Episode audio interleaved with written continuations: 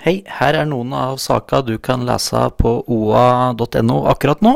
En personbil og en lastebil var mandag formiddag involvert i en frontkollisjon på rv. 4 ved Skjell Roa. Det var fire personer involvert i ulykka, og i personbilen skal det ha vært et eldre par fra Hadeland, har politiet opplyst til Oppland Arbeiderblad.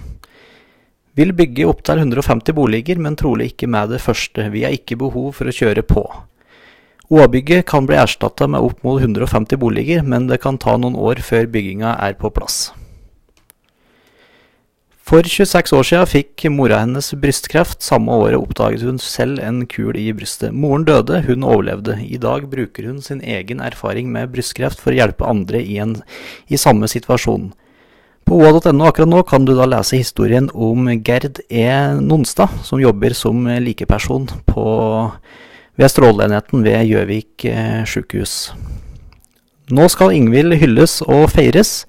Både Gjøvik skiklubb og Gjøvik kommune inviterer til feiring av byens ukronede skidronning Ingvild Flugstad Østberg den neste uka.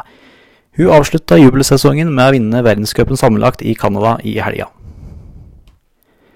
På oa.no kan du også lese en kommentar av sportsleder Frode Kleverud, der han skriver at det er mer lukrativt å være langrennsløper enn skihopper.